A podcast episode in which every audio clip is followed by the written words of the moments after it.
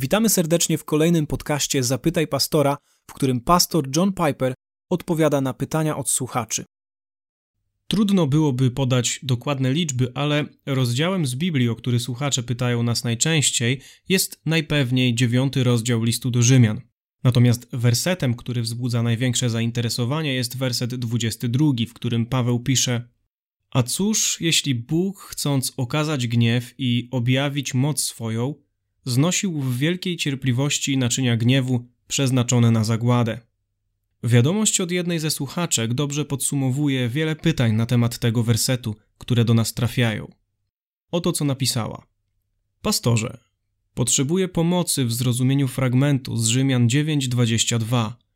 Wydaje mi się, że werset ten sugeruje, że niewybrani nie mają nawet szansy, by pokutować, ponieważ zostali stworzeni z przeznaczeniem na zagładę. Czy prawdą jest, że wielu ludzi rodzi się bez żadnej szansy na bycie zbawionymi? Nie jestem wcale zdziwiony, że dziewiąty rozdział listu do Rzymian należy do tekstów, do których ludzie mają najwięcej pytań, ponieważ moja własna historia również to pokazuje.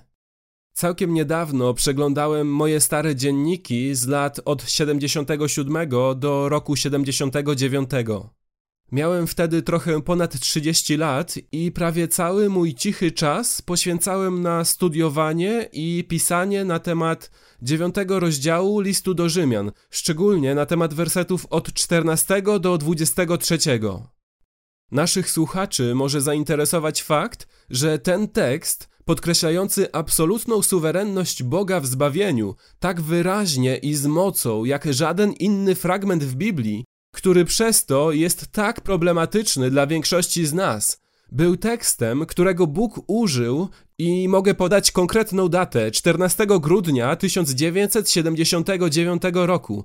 Bóg użył tego tekstu, aby przenieść mnie z bycia akademickim teologiem, który uczył przez 6 lat na uniwersytecie, do bycia pastorem kościoła Bethlehem Baptist Church, gdzie służyłem potem przez 33 lata. Ten tekst poruszył mnie, aby zostać pastorem, pragnącym, aby Bóg użył mnie do ratowania zgubionych grzeszników oraz aby zbudować silny kościół, który wysyłałby setki ludzi na misję na cały świat, do obszarów, gdzie Ewangelia jeszcze nie dotarła. Daję więc świadectwo, że najbardziej kontrowersyjny rozdział na temat Bożej suwerenności w zbawieniu grzeszników był rozdziałem, którego Bóg użył do przeniesienia mnie z akademickiego działania ze Słowem Bożym na linię frontu ratowania zgubionych grzeszników oraz do wzmacniania Kościoła, a także by docierać do narodów. To jest ważne. To ważne, ponieważ ludzie myślą, że skoro wierzysz w absolutną Bożą suwerenność nad zbawieniem grzeszników, to raczej jesteś zniechęcony do bycia pastorem ratującym duszę i zaangażowanym w kościół skupiony na misjach. To nie jest prawdą. Na mnie ten fragment miał odwrotne działanie. Tak jak miał on na Williama Careya, Johna Paytona, Adonirama Judsona i na setki innych misjonarzy i pastorów, którzy poświęcili swoje życie, aby dotrzeć z Ewangelią do duchowo zgubionych ludzi. Istnieje coś takiego jak hiperkalwinizm, który nie jest historycznym kalwinizmem. Hiperkalwinizm zawsze był małą grupą ludzi, którzy przekręcali Biblię ich niebiblijnymi poglądami, że jedynymi ludźmi, których powinieneś zaprosić do Chrystusa, są ludzie okazujący jakieś dowody bycia wybranymi przez Boga. Więc jeśli jesteś hiperkalwinistą, nie dzielisz się Ewangelią bezkrytycznie z każdym, tak jak ja to robię, ale czekasz i szukasz śladów u niewierzących, które wskazują na możliwość, że są oni wybrani. To jest całkowicie błędne. Nie tego uczy nas list do Rzymian 9 i nie na to wskazuje ten rozdział. Nie tego uczy jakikolwiek inny tekst biblijny. Miłośnik Bożej suwerenności, który jest nasycony wielkim biblijnym spojrzeniem na Bożą moc w ratowaniu grzeszników, mówi do każdego człowieka bez wyjątku takie słowa: Słuchajcie, wszyscy spragnieni, przyjdźcie po wodę. Wy, którzy nie macie pieniędzy, przyjdźcie, kupujcie i jedźcie. Pieniędzy nie trzeba, nie musicie płacić. Dlaczego macie wydawać pieniądze na to, co nie jest chlebem, ciężko zapracowany grosz na to, co nie syci?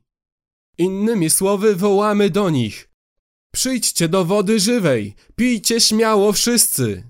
Jeśli przyjmiecie Jezusa Chrystusa jako Syna Bożego, ukrzyżowanego za grzeszników, zmartwychwstałego i położycie swoją ufność w Nim jako jedynym i cennym Zbawicielu, otrzymacie wraz z Nim wszystko, co Bóg uczynił przez Niego. Wszystko, czym Bóg jest dla Ciebie w Nim, będziesz miał to wszystko. Nic dobrego nie będzie odmówione Tobie. Jeśli będziesz mieć Pana Jezusa Chrystusa, będziesz mieć wszystko, czego On dokonał. A kulminacją tego będzie wieczna radość w obecności Bożej. To właśnie mamy mówić ludziom. Jeśli ludzie pozwolą ci mówić przez pełną minutę, to właśnie o tym mamy mówić każdemu z nich. Mamy tutaj słowa z listu do Rzymian 9, z którymi ludzie mają problem. Pozwólcie mi powiedzieć kilka słów na ten temat. Rzymian 9 od 18 do 19 mówi: Bóg zatem komu chce, okazuje miłosierdzie, a kogo chce, czyni nieustępliwym. Zapytasz zatem, dlaczego więc jeszcze oskarża? Innymi słowy, nie zadajemy pytania, którego Paweł nie zadał. Nie powinniśmy sądzić, Mam pytanie, Pawle, o którym nigdy nie pomyślałeś. Nie, nie mamy. Dalej, werset dziewiętnasty podaje tak. Bo czy ktoś kiedyś zdołał oprzeć się woli Bożej? Paweł nie powiedział, no cóż, każdy może oprzeć się jego woli. Wszyscy mamy wolną wolę. Każdy może oprzeć się woli Bożej. Nie tak odpowiedział na pytanie, kto może zdołać się oprzeć jego woli. Paweł kontynuuje wątek w wersecie 20. O człowieku, a kim ty jesteś, że podnosisz głos przeciwko Bogu? Poprzez to pytanie nie twierdzi, że nie powinniśmy nigdy zadawać Bogu pytań. Nie to miał na myśli. Miał na myśli, że nie powinniśmy nigdy reagować niezadowoleniem, gdy Bóg odpowiada. I Paweł dalej mówi: czy dzban pyta swego twórcę, dlaczego nadałeś mi ten kształt? Czy garncarz nie ma władzy nad gliną? Czy nie może z tej samej gliny zrobić naczynia do celów zaszczytnych i naczynia do pospolitych?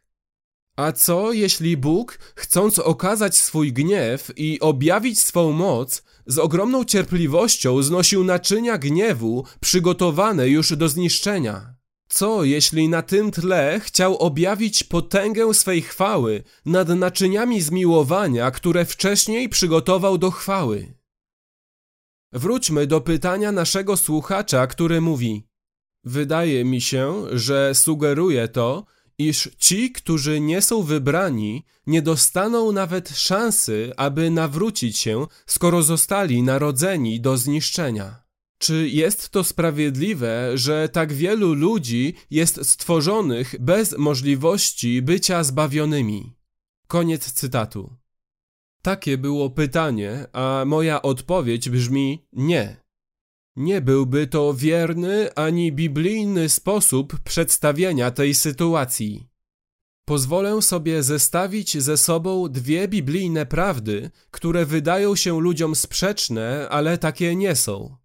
I wtedy na podstawie tych dwóch prawd wyciągnę wnioski odnośnie pytania naszego słuchacza.